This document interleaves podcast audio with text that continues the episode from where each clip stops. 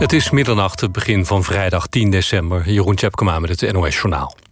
De vier partijen die onderhandelen over een nieuw regeerakkoord zijn er bijna uit. Het coalitieakkoord wordt begin volgende week gepresenteerd, bevestigen bronnen aan de NOS.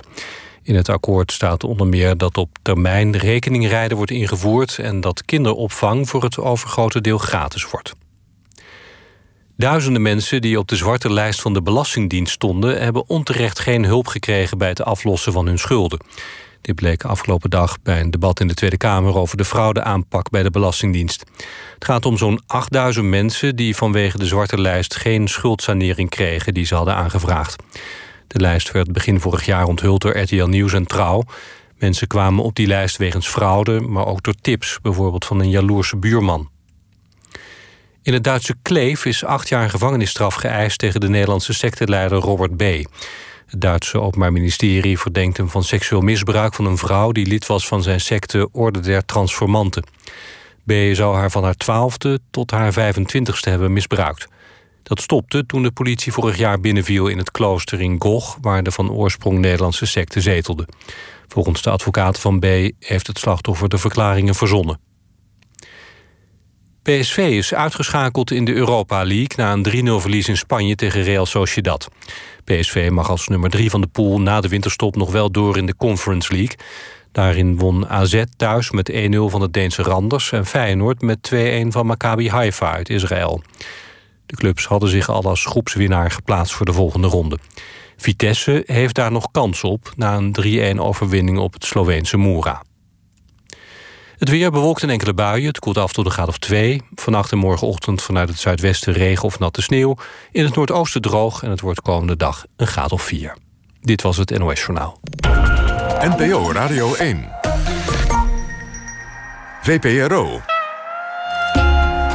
Nooit meer slapen.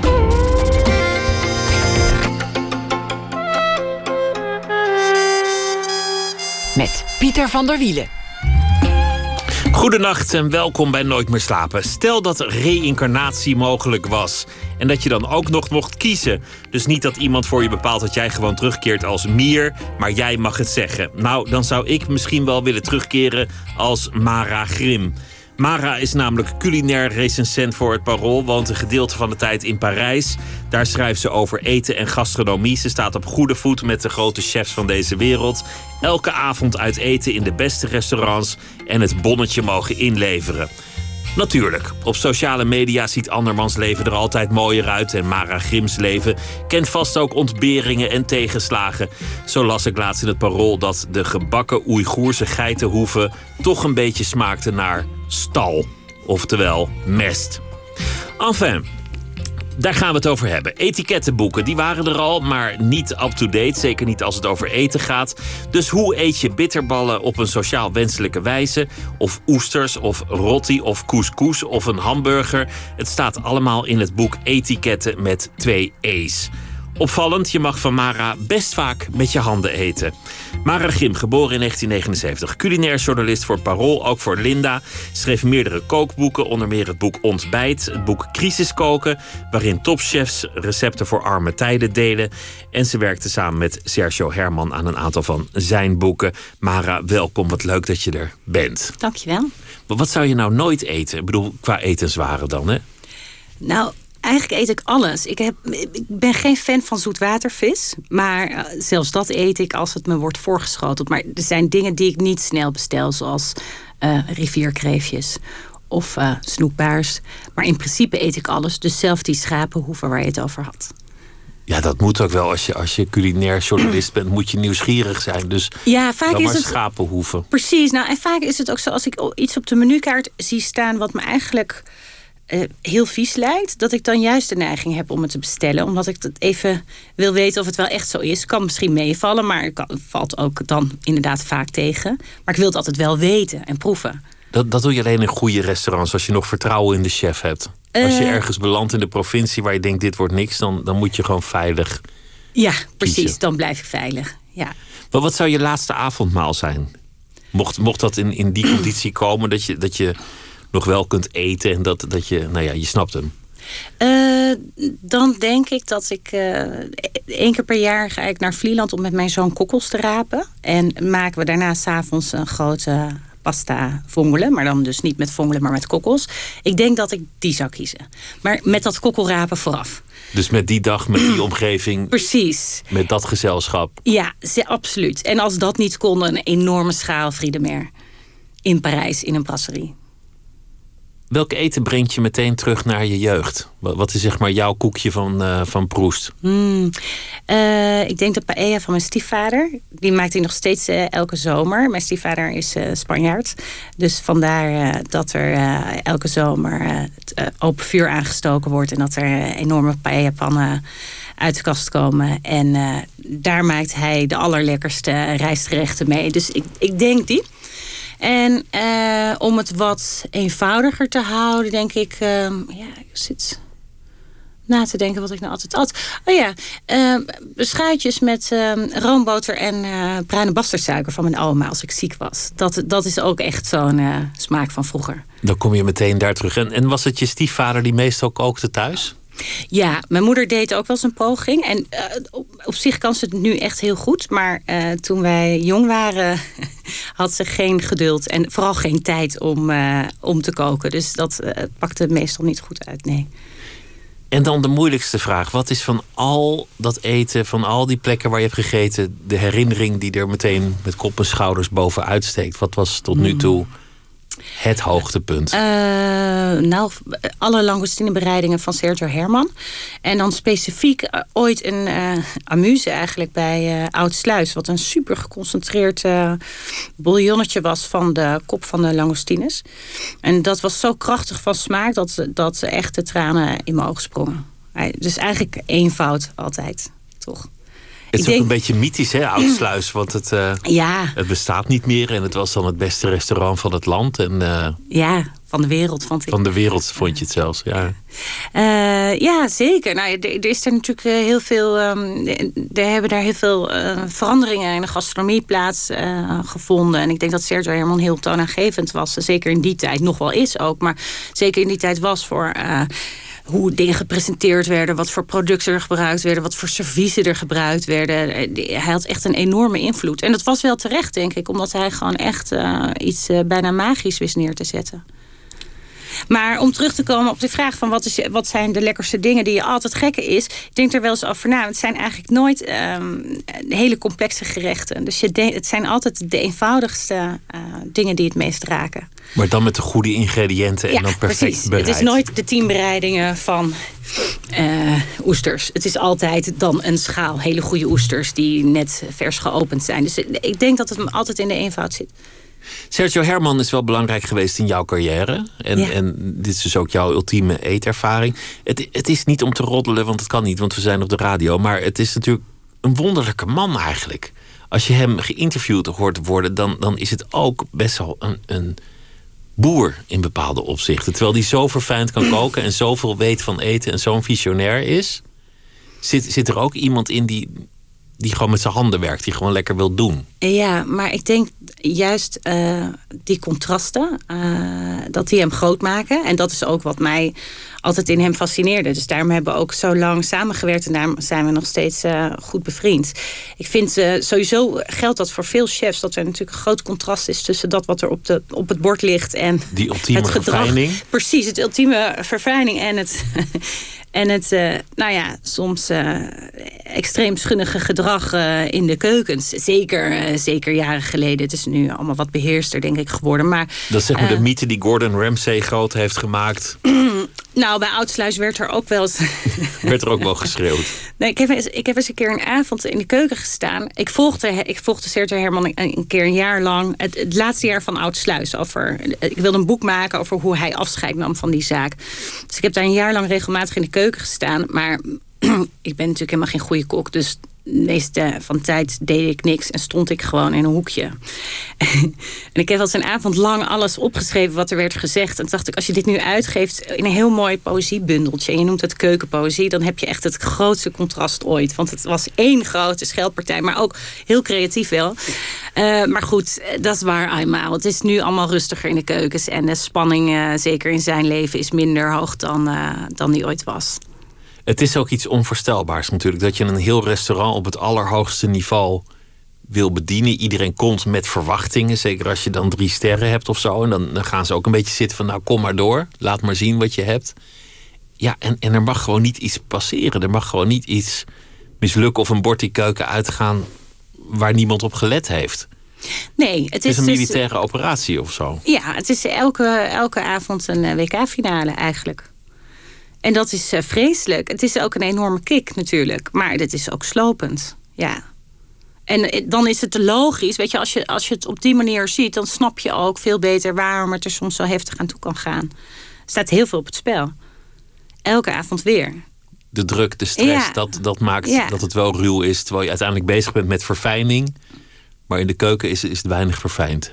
Nee, absoluut niet zelfs.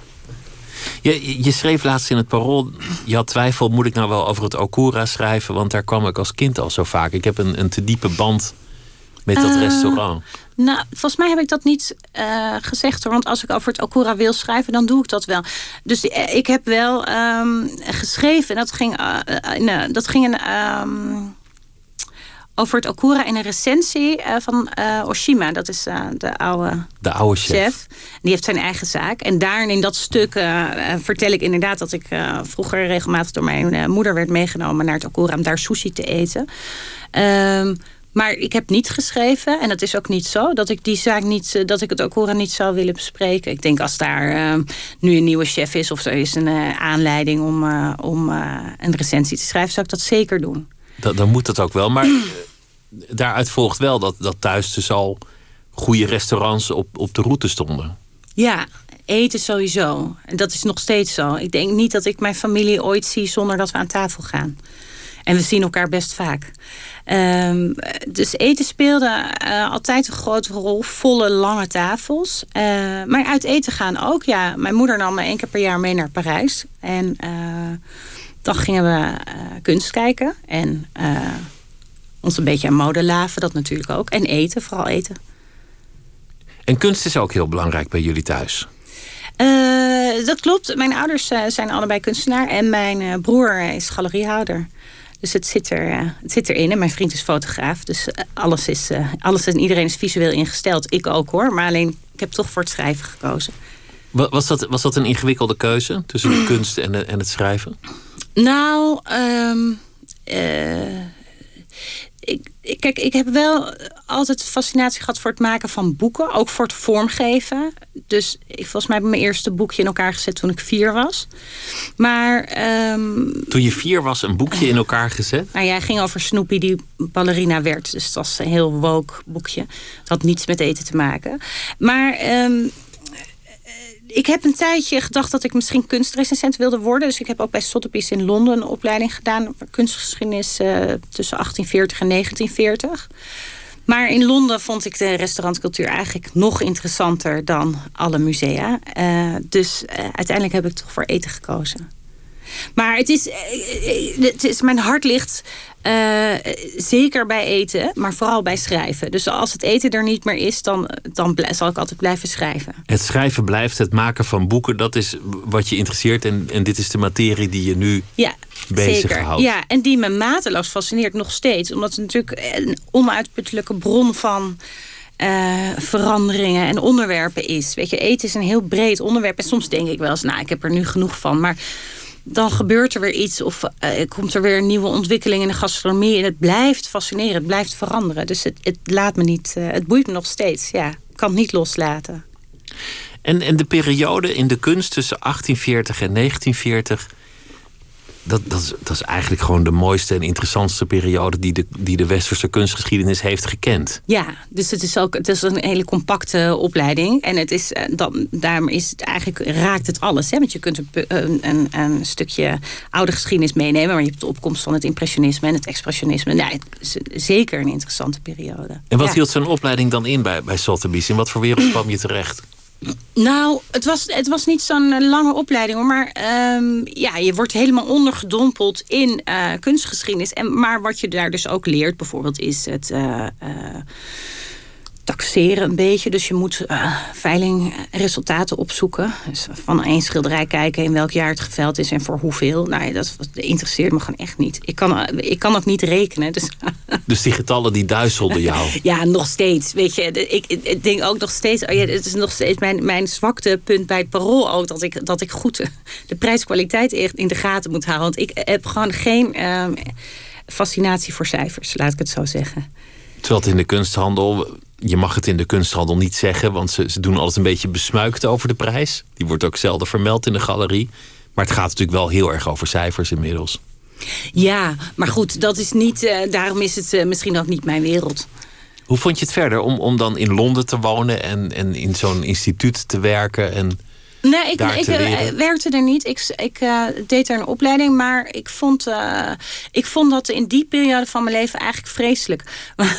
Want ik, ik zat in een soort. Kijk, Londen denk dat het is een fascinerende stad om te eten natuurlijk. Maar als student is het heel anders. Ik kon echt, weet ik veel, twee keer per week één drankje drinken. Dan was ik alweer blut. Nu vind ik het geweldig. Maar toen ik, er, toen ik daar zat, was dat nou niet per se, denk ik, de gelukkigste fase uit mijn leven. Londen is vooral leuk als je geld hebt. En als Ja, je geen geld hebt, dan heb je er misschien niet zoveel te zoeken. Nee, dan is, Jammer. het, dan is het een wat eenzamere stad, denk ik, dan eh, bijvoorbeeld eh, Parijs of Barcelona. Waar woonde je in Londen? In eh Noord-Londen, dus in Upper Street, in Islington. Upper Street is, is, is de straat waar, waar Dickens het over heeft. Ja, en waar eh, Otto Lengi zit ook, meer, meer naar mijn terrein toe. Dus dat, dat, is, dat is precies eigenlijk de geschiedenis van Londen in een notendop. Ja. Dickens, Dickens zegt van nou ja, daar is de hel in dat noorden, hoe mensen moeten leven. Het is toch mensonterend. En nu zitten er allemaal glutenvrije bakkers en, ja, eh, zeker. en de ja. hipste restaurants. Ja, en toen ik er zat was het een beetje de, de, de, de, de- nog, nog half hel, half eh, hip. Een hip in de overgangsfase Ja, in tussen- de overgangsfase. Wat Tussen Dickens en Otto Lengi. Ja, precies. Ja. Heeft dat je geïnspireerd om, om dat daar te zien, die, die, die eetcultuur? Ja, zeker. Omdat hij natuurlijk. eh, Kijk, Amsterdam is eh, zeker is zeer. ehm, we hebben hier een fantastisch aanbod. We hebben een hele multiculturele gastronomie. Maar in Londen is dat eh overtreffende trap. Daar is alles. Noedels voor het ontbijt, alles. Weet je, ehm, en dat, dat vond ik echt zo fascinerend dat ik dacht, nou, ik moet gewoon helemaal niet over kunst gaan schrijven. Ik moet over eten gaan schrijven.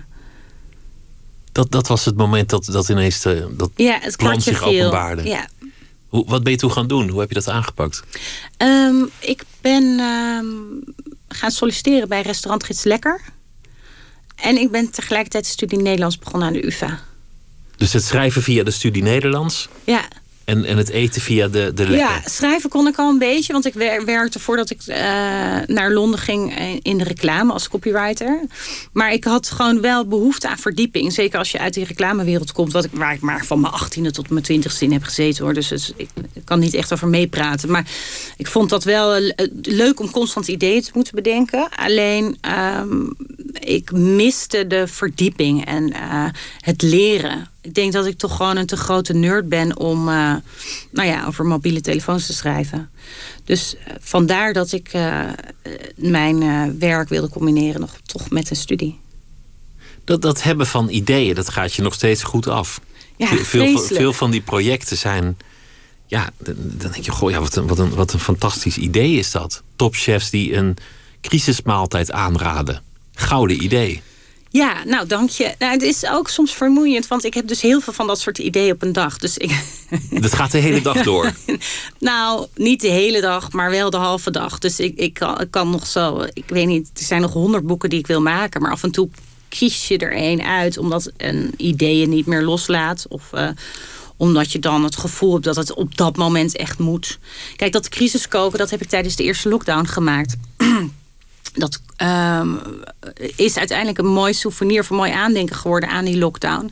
En dat was een boek wat ik maakte zonder, uh, zonder budget eigenlijk. Dus we hebben alles op uh, leftover papierpartijen gedrukt. En uh, met ondergronden die we op straat hebben gevonden. En alles, mijn vriend heeft alles op ons balkon gefotografeerd. Dus er was geen uitgever, je deed het helemaal zelf? Ik deed dat zelf, ja. Ik heb het, gelukkig deed ik het zelf. Ik heb het aan één uitgever voorgesteld. En die zei, nou, ik vind het geen, geen sterk idee. En bovendien kunnen we niet uh, zo snel schakelen. En dat kunnen traditionele uitgevers ook niet. Die moeten een half jaar van tevoren iets in een aanbiedingscatalogus zetten. En uh, nou ja, goed. Ik wilde het per se maken en ik vond het wel een goed idee. Uh, dus heb ik het zelf gedaan. En gelukkig maar. Want daardoor kon ik alle regels waar traditionele uitgevers zo op hameren steeds... kon ik overboord gooien. Wat, wat voor regels zijn dat? nou, ik heb al jaren eh, probeer mijn hart te maken voor een grafische cover bijvoorbeeld. Nou, dat in kookboekenwereld moest het altijd een uh, foodfoto zijn, want anders zou een boek niet verkopen. Nou, deze de cover van Crisiskook heb ik gewoon getekend zelf met een marker, ook omdat er geen budget was voor een coverbeeld hoor. Maar um, al dat soort dingen. En verkopen uh, via Instagram hebben we die vooral gedaan. Dus ja, uiteindelijk werkte dat gewoon heel goed om het helemaal opnieuw, het maken van een kookboek helemaal opnieuw te bekijken. Dus wat heb je nou eigenlijk nodig? Is het wel zo dat je in een studio moet staan en een stylist moet hebben en een, een foodstylist moet hebben en moet er wel een heel team zijn? Of kun je, kun je eigenlijk gewoon met niks ook een kookboek maken? Nou, dat kan dus. En wat, wat ook past bij het concept crisiskoken, dat je dan ook met leftover papier, ik weet eigenlijk helemaal niet wat dat is, nou, gaat werken. Um, leftover papier is, zeg maar, misschien vertel ik het onduidelijk. Uh, wij hebben op een gegeven moment een drukkerij benaderd in Amsterdam. Een drukkerij uh, Raddraaier. Um, en uh, zij drukken normaal bijvoorbeeld programma, programma's voor de Paradiso. Die werden in die tijd niet gedrukt. Want dus lockdown dus? Want lockdown. En daar was papier van over. Dus dat papier hebben wij voor de eerste druk heel goedkoop kunnen inkopen dit is echt fantastisch. Dat je, dat je gewoon ondernemend een beetje aan het hosselen bent en gewoon zo'n project zelf. Ja, maar het is echt het hele project hangt van toeval aan elkaar hoor. Dus we hebben er echt niet uh, helemaal niet over nagedacht. Maar al, die toevalligheden vormden toevallig een, uh, ook weer toevallig een, uh, toch wel een erg mooi boekje. Ja. Dan vraag je dus aan topchefs van oké, het mag niks kosten. Ja. Het is crisis. Iedereen zit zonder werk, vooral in, in de artistieke sector maak eens iets. Ja. Vertel eens iets. Wat, wat voor gerechten krijg je dan? Nou, ook gerechten waar nog heel veel aan moet gebeuren. Want wat een, voor een topchef betaalbaar is, is voor jou en mij iets heel anders. Dus, Zo, gewoon alleen maar caviar? nee, dan doen we het zonder caviar. Dan is het betaalbaar. Nee, maar kijk, je moet een topchef natuurlijk ook... Wat ik belangrijk vond, is dat het maakbaar was voor thuis. En dat dus mensen die gewoon gemiddeld kunnen koken, dat ook maken. Maar ook dat is bij topchefs vaak een uh, ander begrip. Want dan ga je hem even sous. En dan doe je, weet je, ik kreeg allemaal eh, natuurlijk in eerste instantie ook dingen. Althans van sommige chefs die het helemaal niet uh, haalbaar zijn. Dus ik wilde echt per se met uh, ingrediënten die je bij de supermarkt kon krijgen. Ook omdat we tijdens de lockdown niet het hele land door mochten reizen. Um, nou ja, dus soms heb ik ze wel een beetje geholpen. Maar er kwamen ook gewoon, bijvoorbeeld Johnny Boer kwam gelijk met een fantastische gehaktbal. En daar hoefde echt niks aan te gebeuren. Of de griesmeelpudding pudding van Kees Holtkamp. Nou, het kost helemaal niets. En die weet dan wel dat je bijvoorbeeld de echte vanille weglaat. Vanille is heel kostbaar, zeker de laatste jaren. Ehm, dus veel uh, ging ook echt vanzelf. De gehaktbal van Johnny Boer. Ik vind, ik vind het nu al, nou, nu al interessant. Je, je woont tegenwoordig in, in Parijs voor een, voor een gedeelte. Ja. En daar hou je ook weer bezig met, met, met de gastronomie. Dus, dus jij rijdt heel veel op en neer in de trein. Tussen de, nou ja, zover is het niet meer met, de, met de trein. Nee. Zeker niet als je, als je daar kan werken. En het, het komt ook in je boek wel een beetje naar voren dat je in Parijs woont, omdat sommige dingen qua etiketten die je beschrijft heel erg, heel erg Frans zijn. Of, of meer aan de hand in een typisch Parijs restaurant. Ja. Hoe, hoe kwam dit idee eigenlijk bij je? Het idee voor etiketten of het idee voor, om in Parijs te gaan wonen? Zullen we beginnen met de etiketten en dan naar Parijs? Ja, uitstekend. Um, nou, eigenlijk eh, maak ik altijd uh, boeken die ik zelf zou willen hebben, maar die er niet zijn. En um, etiketten is daar wel echt een voorbeeld van. Want er zijn ongelooflijk veel etikettenboeken. Alleen die gaan bijna nooit over het eten zelf. Dus er wordt wel beschreven hoe je moet zitten. Dat je niet met je benen over elkaar mag zitten, bijvoorbeeld. En dat je waar je servet neer moet leggen. Enfin, eh, dat weten we nu denk ik allemaal wel. Uh, maar ik vond het veel interessanter om te kijken. Weet je wel, hoe, hoe zit het nou echt? Waarom? Weet je, in Parijs zie je dan boekjes liggen. De kunst van het snijden van kaas. Nou ja, vind ik echt helemaal fantastisch. Maar er worden hele wetenschappelijke verhandelingen geschreven over, over hoe je een camembert moet snijden. Maar dan blijkt dus dat uh, bijvoorbeeld bij zo'n camembert dat je nooit het puntje eraf mag snijden, omdat het in het midden van de kaas is die het rijpst. Dus daar is die ook het lekkerst. En als je het puntje eraf snijdt, dan is in één keer dat middenstuk weg. Dus daarom snij je eigenlijk plakjes van de kant af. Nou, het is egoïstisch om het lekkerste stuk meteen voor jezelf zeker. te pakken. Zeker. En ook zonde, want als je plakjes snijdt... dan heb je een beetje van alle uh, smaken. Nou, uh, dat is bij veel dingen zo. Dat ze gewoon een handleiding uh, uh, vereisen. En ik dacht, ik ga eens uitzoeken. Ik ga dat uitzoeken voor 30 dingen, dacht ik. Of, of 40. En dan maak ik daar een boekje van. Nou ja, het bleken er 101 te, te worden. En, of het zijn er 101 geworden. En ja, ik vond het zo ontzettend leuk om het uit te zoeken. En het was er niet. Dus dan moet het er komen. Wat je hebt gedaan is, is ook het, het wat moderniseren. Dus de traditionele etikettenboeken zullen niet snel gaan over hoe je rotti eet. Of, nee. of bitterballen of couscous of, of dat soort dingen. Het eten is veranderd. Waar blijft het etikettenboek? Ja, precies, dat ook. En ook, ja, terwijl het eigenlijk, weet je wel, couscous is gewoon ook onderdeel geworden van de Nederlandse eetcultuur. Dus op zijn minst leuk om dat uh, te beschrijven. Want inderdaad, in de oude boeken, als het al uh, gaat over hoe je iets moet eten, gaat het alleen maar over kreeft en caviar. Maar ja, uh, ik vind eigenlijk wel, hoe je caviar moet eten, weet iedereen zo langzamerhand, denk ik wel. En hoe je kreeft moet eten, dat kunnen we opgeven, want er is eigenlijk niet een hele goede manier om kreeft beschaafd te eten zonder dat het nee. rond te schiet. Nee, nou ja, het is eigenlijk denk ik wel makkelijker dan veel mensen denken. Maar uh, ik vond het veel interessanter om uh, te vertellen over hoe je nou een tompoes eet. En uh, waarom je een bossenbol met, met de hand mag eten. En, en een tompoes van, van jou liever niet. Al zijn er mensen die zeggen doe het wel. Maar jij zegt is niet zo'n goed idee. Want dat wordt een bende als je de tompoes uh, ja, oppakt. Kijk, wat veel mensen doen is het bovenste laagje eraf halen. En dan uh, eerst dat opeten. Wat, wat ik heel zonde vind. Omdat je dan dus aanvankelijk alleen het hele krokante en het meer zoete uh, opeet. En daarna heb je alleen nog een beetje krokant van de onderkant en dan het lobbige van de room. En dat, eigenlijk is het idee bij alle patisserie dat je bij elke hap iets van alle smaken en structuren van het taartje uh, in je mond krijgt. Want dan komt smaak het best tot zijn recht.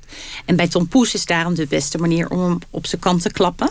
En dus op het snijvlak te leggen eigenlijk. En dan er dunne plakjes van te snijden. Want dat is ook deel van jouw etikettenboek. Hoe, hoe wordt het het lekkerst? Het gaat niet Ja. alleen over manieren en hoe, hoe ziet het er netjes uit. Nee, totaal niet. Het gaat Het vooral... moet, het moet ook goed smaken. Ja, en ik zet ook in mijn inleiding, weet je, ik eet zelf ook niet echt bepaald niet eh, als, ehm, als eh, de koningin. Ik ben echt ook een hele gulzige eter trouwens. En ik eet heel graag met mijn handen en zo. Maar ehm, dus ik denk ook niet dat het heel belangrijk is om je aan allerlei regels te houden. Ik denk dat, het, dat je ontspannender aan tafel zit als je ze wel kent.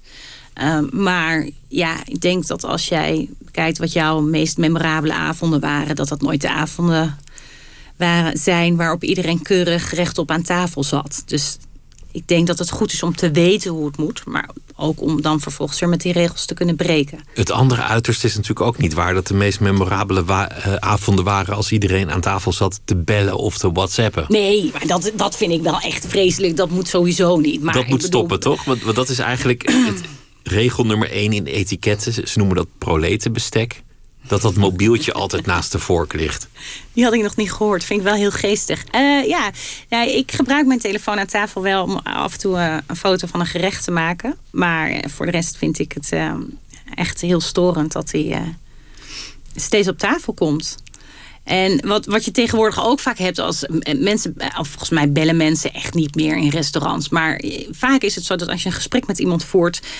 En diegene komt heel even niet op wat hij zocht in zijn gedachten, dat dan gelijk Google erbij wordt gehaald. Hè. Dus er wordt ongelooflijk veel gegoogeld ook aan tafel. Vind ik eigenlijk zonde, omdat je dan het gesprek min of meer stillegt. Of dat je de nieuwe videoclip van Beyoncé te zien krijgt aan tafel. Of ja, nou eh, ja, precies. iemands Insta-post. Of nou ja.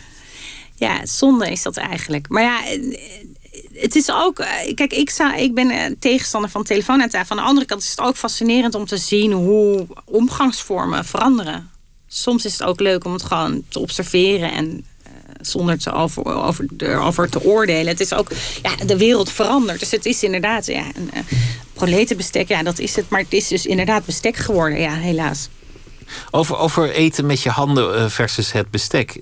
Die couscous, daarvan zeg jij, je moet uit de schaal met je handen er een bolletje van draaien, daar een beetje van de kip in doen en dat dan dat bolletje.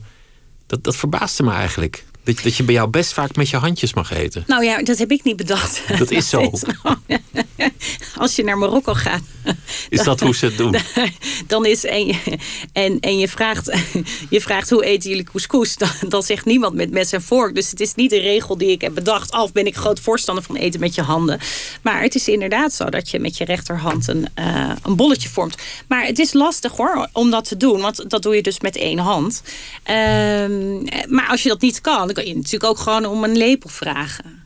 Dat is natuurlijk bij alles zo. Als je in een restaurant een mooie vis bestelt en hij, je moet hem zelf nog fileren, maar jij voelt je zweet breed je uit bij het zien van dat fileerbestek, dan moet je gewoon aan de bediening vragen of zij het voor je willen doen. Of je doet het gewoon op jouw manier. Weet je wel, in wezen, dat probeer ik in het boek ook steeds te benadrukken. Moet je het, moet je het gewoon zelf weten en je niet opgelaten voelen. Dus als je niet met stokjes kunt eten, gewoon bestek vragen. Dat, daar worden sommige mensen helemaal gek van. Nou, Snijden in de spaghetti, daar worden andere mensen helemaal Nou, maar daar, van. Dat, dat vind ik ook wel, daar trek ik ook wel een grens hoor. Dat gaat te ver. ja.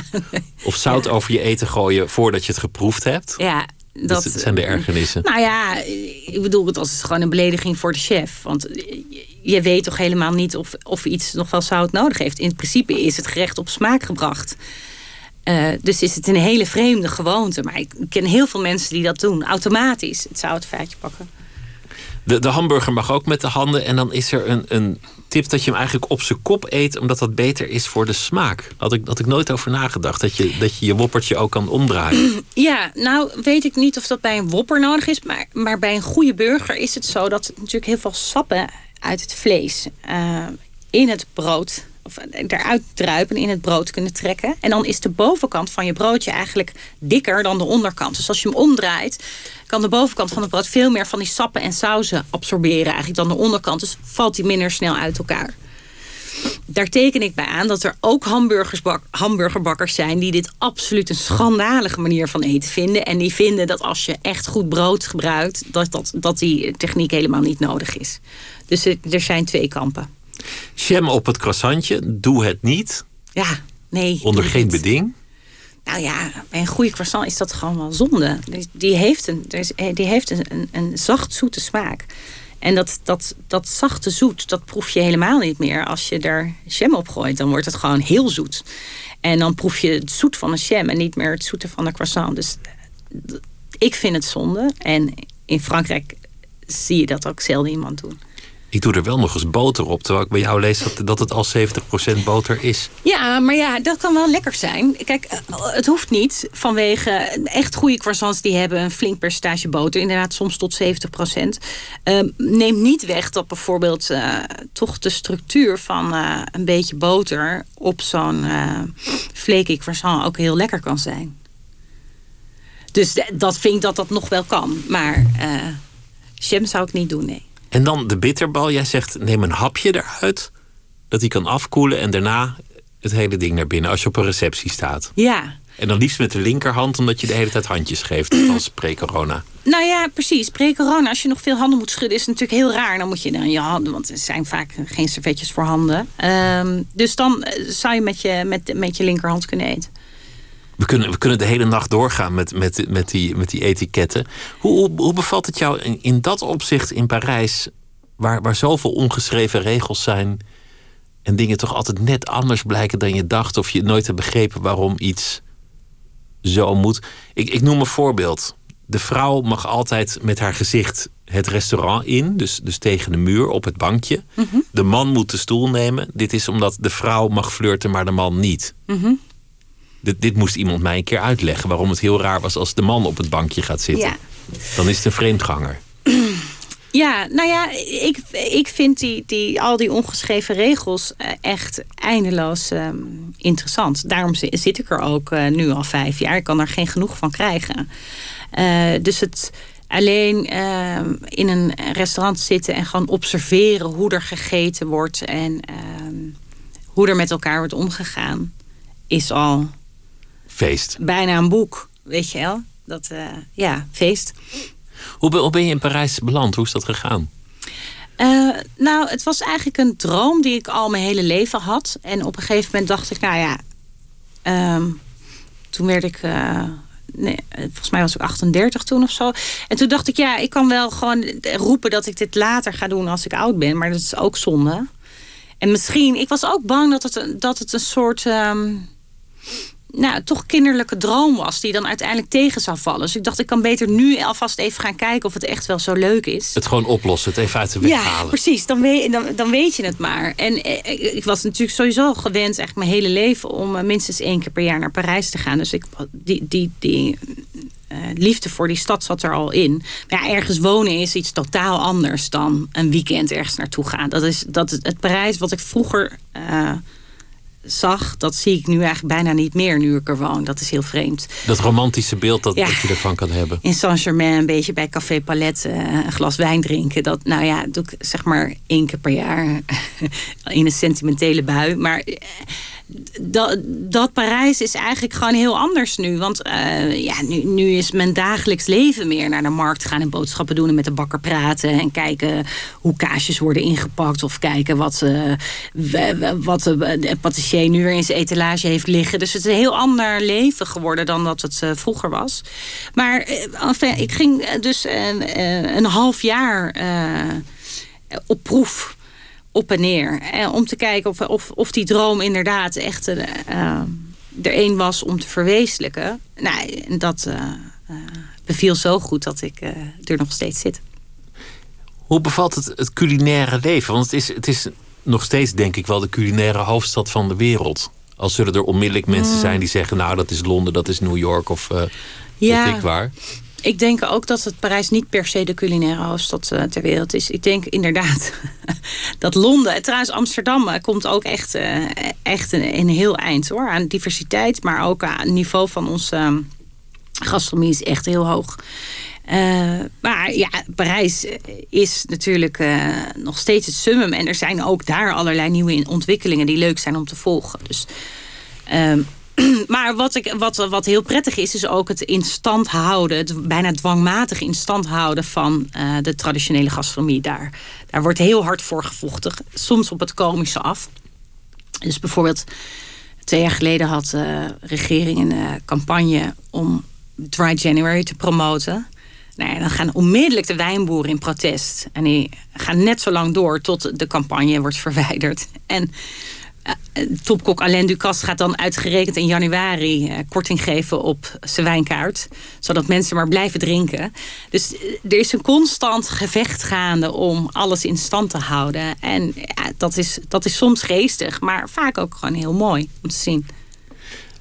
Wijn is erfgoed en de warme lunch is, is een, een mensenrecht. Ja, precies. Zo groot wordt het gemaakt. Ja, zo groot wordt het gemaakt. Wat niet wegneemt dat ook gewoon uh, heel veel uh, Parijzenaren naar McDonald's gaan. En dat uh, in, aan alle grote brasseries tegenwoordig hamburgers op de menukaart staan. Ik bedoel, er verandert natuurlijk heel veel. En het is allemaal echt niet meer zoals het vroeger was. Maar er is wel een eindeloos respect. Dus als er bijvoorbeeld klassieke bistro's failliet dreigen te gaan... zijn er altijd topchefs die zeggen... nou, laat mij de boel maar overnemen, want dit moet in stand blijven. Nou ja dat heb je daar, dat heb je hier niet. Kijk maar naar Amerika, wat het Hard Rock Hotel is. Nou ja, dat zoiets is ondenkbaar natuurlijk. Dat zou in Parijs niet, niet zomaar kunnen. En, en chefs zijn ook uh, ja, popsterren. Maar ook intellectuelen worden ook door politici gerespecteerd en om meningen gevraagd. Krijgen tv-programma's, ja. schuiven aan in talkshows. Dat, dat is echt nog wel veel meer dan hier, die cultus van de nou, die, ja, zeker, de, zeker het respect naar de chefs toe. En, en, en ook de manier waarop de regering zich inzet om de gastronomie te steunen. Ik bedoel, daar kunnen wij in Nederland echt nog wel wat van leren. Want hier moeten de chefs het echt allemaal zelf doen. Uh, terwijl wij ook echt dat niveau uh, hebben. En wij heel veel goede chefs in Nederland ook hebben. En soms zelfs, vaak zelfs creatievere chefs dan in Frankrijk. Want in Frankrijk zijn ze vaak toch gebonden aan allerlei regels van vroeger. Zelfs de jonge chefs die denken dat ze vrij zijn... die hebben toch altijd nog wel een beetje die oude meesters in hun nek hijgen... die dan vertellen hoe ze een saus moeten maken. Terwijl is- hier, is eh, hier is er wat meer anarchie. Dat is, daar is ook wat voor te zeggen. Over etiketten. Je, je had laatst gedeeld dat je in een, in een sterrenrestaurant in Parijs had gegeten. Ik, ik weet niet meer welke. Waar dan de kaart wordt gegeven en bij de man staan er prijzen bij. Oh ja, daar heb niet. ik wat van gezegd. Ja, dat klopt. Ja. Dat vond ik interessant. Dat is, dat is een, een heel traditionele etiketten. De, de vrouw moet je niet lastigvallen met geld. Ja, maar vond ik echt zo achterhaald. Zeker, omdat ik ook de, dus de betalende partij was. dus, Dus je moest aan je, aan je man vragen van... Wat, wat, nou ja, ik heb, gewoon, nee, ik heb gewoon gelijk eh, gezegd ehm, dat ik een kaart met prijzen wilde. Nee, kijk, dat vind ik daar echt de grens over gaan. Dat vind ik echt niet meer van nu. Dat is niet heel feministisch, niet heel woke. Nee, totaal niet. Maar ik bedoel, niet alles hoeft extreem feministisch te zijn. Maar dit, is, dit vond ik echt wel het andere uiterste. Toch? Ja, je, bent, je bent erg enthousiast over de Nederlandse keuken. Terwijl de reputatie van de Nederlandse keuken toch bepaald niet is dat, dat het hier op een heel hoog niveau staat. Er is toch iets van vroeger blijven hangen van goh ja in Nederland, ja het wordt wel langzaam beter, maar et cetera. Ja. En jij zegt eigenlijk, eigenlijk zijn we in bepaalde opzichten vooruitstrevender of spannender. Ik vind dat het heel snel beter is gegaan. Zeker in Amsterdam. Want eh, kijk, ik heb natuurlijk het ehm, geluk, denk ik maar even, dat ik me voor het parool tot Amsterdam beperk. En hier gebeurt genoeg. Dus ik, ik heb een heel overzichtelijk gebied. En ik denk dat hier in de tijd dat bijvoorbeeld Johannes van Dam nog eh, proefwerk schreef voor Parool, moest je echt met een loep zoeken naar een goed restaurant. En dan was iedereen ging de hele stad, als die een negen gaf, ging de hele stad er eten. Want het, en dan was, eindelijk was er weer iets goeds. Nou, nu is er echt zoveel goeds dat je soms niet meer weet waar je moet beginnen. Ehm, en ik denk dat. eh, ik hoop dat het na de crisis zo blijft. Ik denk dat er voor de crisis begon dat er zoveel goede restaurants waren. dat ik echt dacht: hoe, kan, hoe kunnen we dit allemaal.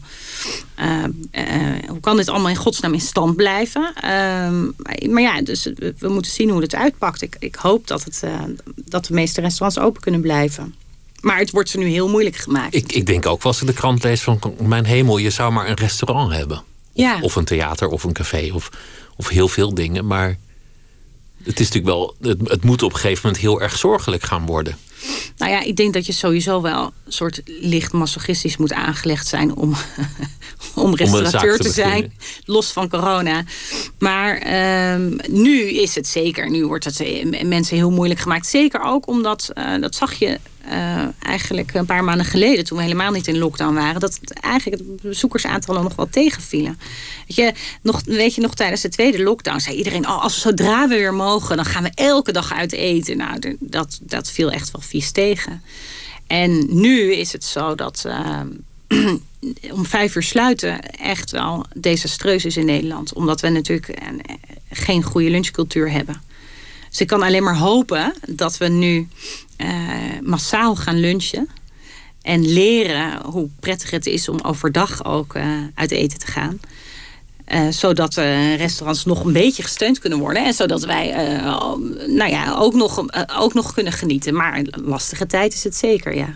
Lunch is ook veel leuker dan, dan iets afhalen wat je thuis mag afmaken in heel veel papieren tasjes met, met hele lieve gebruiksaanwijzingen en recepten die je niet begrijpt. En dat je dan, ja, ik, ik heb het een paar keer gedaan uit een soort liefdadigheid, maar dat je dan van een mooi restaurant met, met, met zo'n receptje staat en allemaal zakjes en het niet begrijpt. Nee, nou ja, kijk, eh, dat was natuurlijk een, een, een creatieve oplossing van de restaurateurs om die takeaway te doen. Of die, de- die ehm, Lego-bouwpakketten noemde ik dan, die je thuis in elkaar zetten. En ehm, dat is iets wat bijvoorbeeld in Parijs helemaal niet aansloeg. Omdat, dat, dat, dat zeiden die topchefs daar ook. Ja, uit eten gaan is. Het gaat niet alleen maar om het eten. Het gaat natuurlijk om het, om het flirten en om het kijken. Om de en om- entourage. om de wijn, om de entourage. En ik, ik denk dat we dat hier ehm, eh, misschien iets minder misten. Ehm, maar ja, nee, daar sloeg dat in ieder geval niet aan. En hier nog wel, omdat we natuurlijk ook nog eh, eh, een beetje moeten leren koken soms. Eh, dus dat heeft gelukkig de horeca er wel doorheen geholpen. Maar volgens mij is die takeaway nu echt wel minder geworden. En eh, ligt de focus meer op de lunch. Ik denk dat in Parijs heel veel mensen ook niet zo'n hele grote keuken hebben. Nee, maar ze weten wel hoe ze goed kunnen koken. Hoe ze kunnen koken. Ja. Is, het, is het in Nederland, dat is in Amsterdam zeker, is het opmerkelijk hoe snel de omloopsnelheid is. Als er iets nieuws is, gaat iedereen erop af. Daar moeten we zijn. Het, het, Ja. het, de recensies zijn in die zin ook nog steeds heel belangrijk. Ja. Terwijl in, in Frankrijk, als het goed is, blijven ze terugkomen. En als het nieuw is, dan wachten ze een paar jaar tot ze zeker weten dat het Nou stand houdt. Ja, wij, in Amsterdam zijn we echt wel eh, nou ja, bijna hoerenlopers. Weet je, zodra er iets nieuws is, willen we, willen we er per se geweest zijn en erover mee kunnen praten. Eh, maar we laten even snel zo'n restaurant weer in de steek. Dus er zijn veel minder eh, vaste gasten eigenlijk dan in Parijs. Eh, waar mensen toch geneigd zijn om in hun eigen buurt te eten. Ehm, sowieso is in Parijs een enorme weerzin tegen alles wat nieuw is. Dus als, nou ja, het was met de, toen de Eiffeltoren gebouwd werd al zo. Het is altijd al zo geweest natuurlijk. Dus als er een nieuwe, ik zie dat in mijn eigen buurt ook. Als er een nieuwe brasserie opent, dan is die gewoon de eerste twee maanden leeg. Totdat je noodgedwongen er naartoe moet omdat echt alles dicht is. Of weet ik veel, of het omdat het keihard begint te regenen. En eh, eigenlijk gewoon blijkt dat het heel leuk is. En dan vervolgens blijf je er komen. Dat is dus eigenlijk precies het omgekeerde van Amsterdam. Ver- Vertel eens over die Oeigoerse geitenhoeven. Die Schapen, schapenhoeven. schapenhoeven. Want ik, ik vind het moedig van je dat je het, dat je het eet. Nou, dat was, eh, zo'n, eh, dat was mijn eerste recensie voor het Parool. Of nee, dat is niet waar. Mijn tweede recensie voor het Parool. En ehm, dat was eh, zo'n eh, ongelooflijk prettig bezoek... dat ik dan een soort... overenthousiast opeens echt de hele kaart wilde proeven zo'n beetje. En ik dacht, nou doe die schapenhoeven er dan ook maar bij. Weet je, ga nu all the way. Maar dat is, en dat pleit voor het restaurant... dat er natuurlijk geen concessies wordt gedaan aan de Nederlandse smaak. Maar het had een, een, structuur die eh, zeker in bijvoorbeeld China erg gewaardeerd wordt. Die een beetje gelatineus was. en eh, waar wij minder aan gewend zijn. En dat gecombineerd met een enorme stalgeur. eh, die bijvoorbeeld bij wijn of bij kaas heel aangenaam kan zijn, vind ik. Eh, maar het was de combinatie van die geur en de structuur. en eigenlijk ook wel gewoon de aanblik van die pootjes. Dat, het, dat ik echt niet verder kwam dan twee happen. Anderhalve hap, denk ik. Toch is, het, toch is het leuk omdat we het tot nu toe een beetje hebben over, over goede restaurants en chique chefs en, en Michelinsterren, et cetera. Maar ik, ik zie bij jou ook wel dat je, dat je het tentje met de plastic stoelen ook niet overslaat. Dat, dat, je, dat je toch alles probeert. Nou, ik hou van, raken. van uiterste. Dus ehm, eh, sowieso vind ik het voor het parool heel belangrijk om te laten zien hoe rijk onze, eh, weet je, wel, hoe rijk on- onze restaurants in de stad zijn. We hebben zoveel verschillende eetculturen en zoveel verschillende soorten restaurants. Dat ehm, het is natuurlijk ook mijn taak om dat te laten zien. Maar privé heb ik ook een heel groot zwak voor plastic stoelen en met mijn voet in de zand een eh, gegrild visje eten. Ja. Juist die eenvoudige tentjes. Juist. Nou ja, uiteindelijk gaat het om kwaliteit. En kwaliteit eh, zit niet alleen maar aan de top. Eh, eh, sterker nog, soms, soms kan het daar ook tegenvallen. Kwaliteit zit natuurlijk gewoon in goede producten. En in, in de eigenheid. Dat iemand iets vol overtuiging brengt. Nou ja, die Oeigoer met, die, met dat glitterbehang en die schapenpoten. Dat is gewoon echt een hele fantastische zaak. Ik ben helemaal vergeten nog even halverwege te vertellen wie er te gast was. En dat is eh, Mara Grim. En die is de gast vanwege het eh, etikettenboek met dubbel E. En dat is eh, een etikettenboek dat helemaal gaat over eten. En we begonnen dan ook over eten. Wat is het eten dat je doet denken aan je jeugd? En toen noemde je onder meer het beschuitje met bastardsuiker van je oma als je ziek was. Maar ook de paella van je stiefvader. En we hebben het gehad over... wat je het lekkerste vond. Dat was van Sergio Herman. Dat was eh, langoustine. En toen zei je van ja, ik hou van eenvoudig eten. In die zin dat het niet hele moeilijke recepten hoeven te zijn. Niet tien bereidingen van oester. Maar dan liever gewoon een goede schaal met oesters. En zo zijn we komen te spreken over je, je leven. Opgegroeid in een heel kunstzinnig eh, milieu. Kunst was een grote interesse. Schrijven was een interesse. En je ging naar eh, Londen om te werken voor Sotheby's. Gespecialiseerd Studeren. studeren voor Sotheby's. Gespecialiseerd in de periode 1840-1940. Maar alles met eh, veilingprijzen en bedragen, dat vond je eigenlijk niet zo interessant. En omdat je woonde in Islington, waar, waar het heel upcoming eh, was qua restaurantcultuur, raakte je geïnspireerd en dacht je dat eten, dat is eigenlijk waar ik over zou moeten schrijven. Ook nog een reclameachtergrond van je 18e tot je 20e. Komt ook nog goed van pas. En altijd ideeën, zes keer per dag komt er wel een goed idee in je opborrelen. Het is bijna een probleem, zoveel goede ideeën. We, we maken even een kleine sprong. Je bent in Parijs terechtgekomen. Altijd al een droom geweest om daar te zitten. En daar viel het je op dat er hele boeken werden geschreven over hoe je een camembert moet snijden.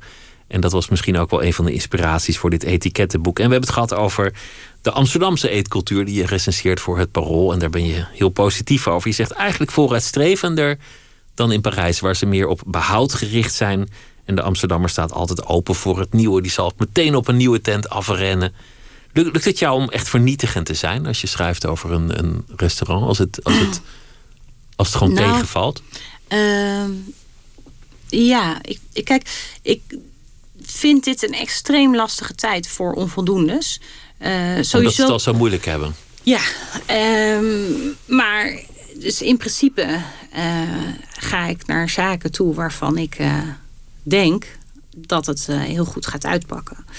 En eh, Ja, want als je toch al denkt dat wordt niks, dan waarom zou je dan gaan? nou ja, zeker nu. Nou, het kan me wel voorstellen. Dat zou ik bijvoorbeeld bij een kleine ondernemer. Als ik denk, dit wordt sowieso niks, dan ga ik er niet naartoe. Maar als er bijvoorbeeld, eh, weet ik veel, een, eh, een, een nieuw peperduur hotel opent. En er zit een restaurant in waar ze 500 euro voor een menu rekenen. Ik noem maar wat. Het is heel gechargeerd. En ik hoor dat.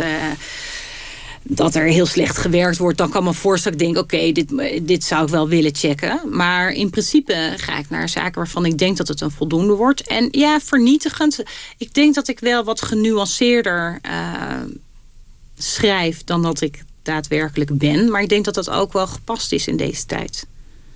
Je gaat niet iemand nu nog neermaaien. Joël Broekaart in NRC Handelsblad die was laatst echt oprecht Ja, verontwaardigd. En toen heeft hij op de terugweg, omdat hij het eten gewoon echt niet wegkreeg, een McDonald's gehaald. En toen nog maar een recensietje erbij geschreven van hoe lekker de nieuwe vega-burger was. ja Daar moest ik ontzettend hard om lachen. Dat was een, en, en- maar dat was, behalve geestig was het ook gewoon een goed stuk. Wat eh, volgens mij ook eh, zeer terecht was.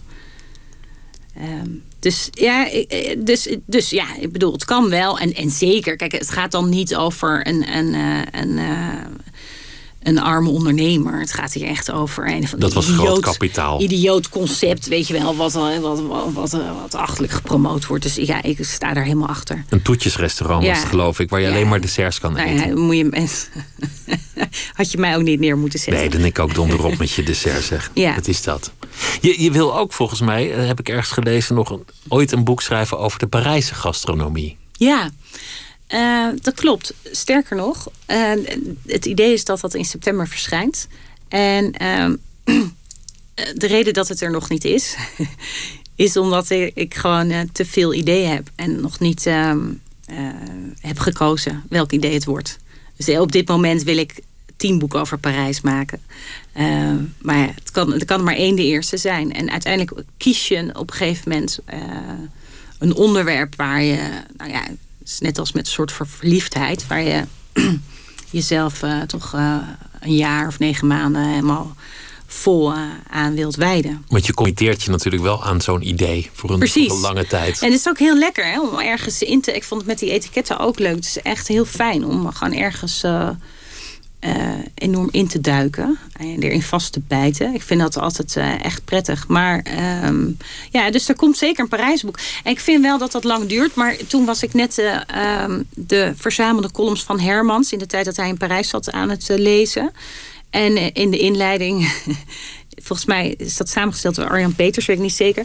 Maar in de inleiding schrijft hij dat. ehm, ja, Hermans die heeft natuurlijk veel langer in Parijs gewoond dan ik. Maar die heeft nog nooit een boek over Parijs gemaakt. En toen dacht ik, oh, nou, als hij het nog nooit gedaan heeft, dan kan ik ook nog wel even wachten.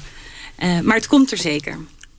Er, er moeten mooie onderwerpen daar te vinden zijn. Dat, dat, dat kan haast niet anders. Nou, ja, er Parijs zijn er te veel. Dat is, het, dat is het probleem. Er zijn er echt te veel.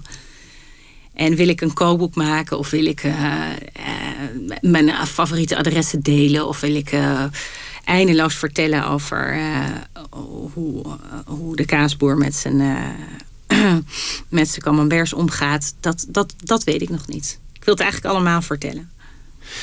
Ben je, ben je zelf een, een, een hele goede kok? Hoe, hoe schat je jezelf in eigenlijk? Nee, ik ben echt geen goede kok. Nee? Nee, ik, ben, ik kan heel goed boodschappen doen. Dus eh, ik heb altijd echt fantastische spullen in huis. En dan wordt het al heel makkelijk. Dus ik zweer bij goede boter en goed brood. En uh, als ik al vlees eet, dan wel het allerbeste wat ik kan krijgen. Dus ik heb altijd hele goede spullen. En daardoor eet ik ook altijd heel lekker. Maar ik ga niet uh, drie gangen. In, of, nou ja, met kerst natuurlijk wel, maar gewoon normaal niet. Dus ik ben echt van meer een soort Italiaanse moeder met pannenpasta's en simpele dingen uit de oven. En met kerst wel? Dan, dan, Ja, met kerst wel natuurlijk. Maar, maar met, met kerst moet je juist uitvreten, heb ik, heb ik geleerd. Oh Zorgen dat je wordt uitgenodigd en dan gaan anderen in die rij staan en hun best doen. En zijn ze ook blij dat je het nog opeet? Nou. Nee, ik ben heel traditioneel met kerst. Dus wij hebben altijd een familiediner waar eigenlijk altijd het meeste mislukt. Maar waar eh, wat gek genoeg, iedereen in mijn familie kan tegenwoordig goed koken. Maar met kerst lukt dat altijd minder. Maar we hebben altijd wel hele goede wijnen. Dus dat is uh, eigenlijk belangrijker. Zeker met uh, familiediners. En, en ik kook ook altijd een dag thuis. Ja, nee, ik krijg daar wel heel veel waarde aan.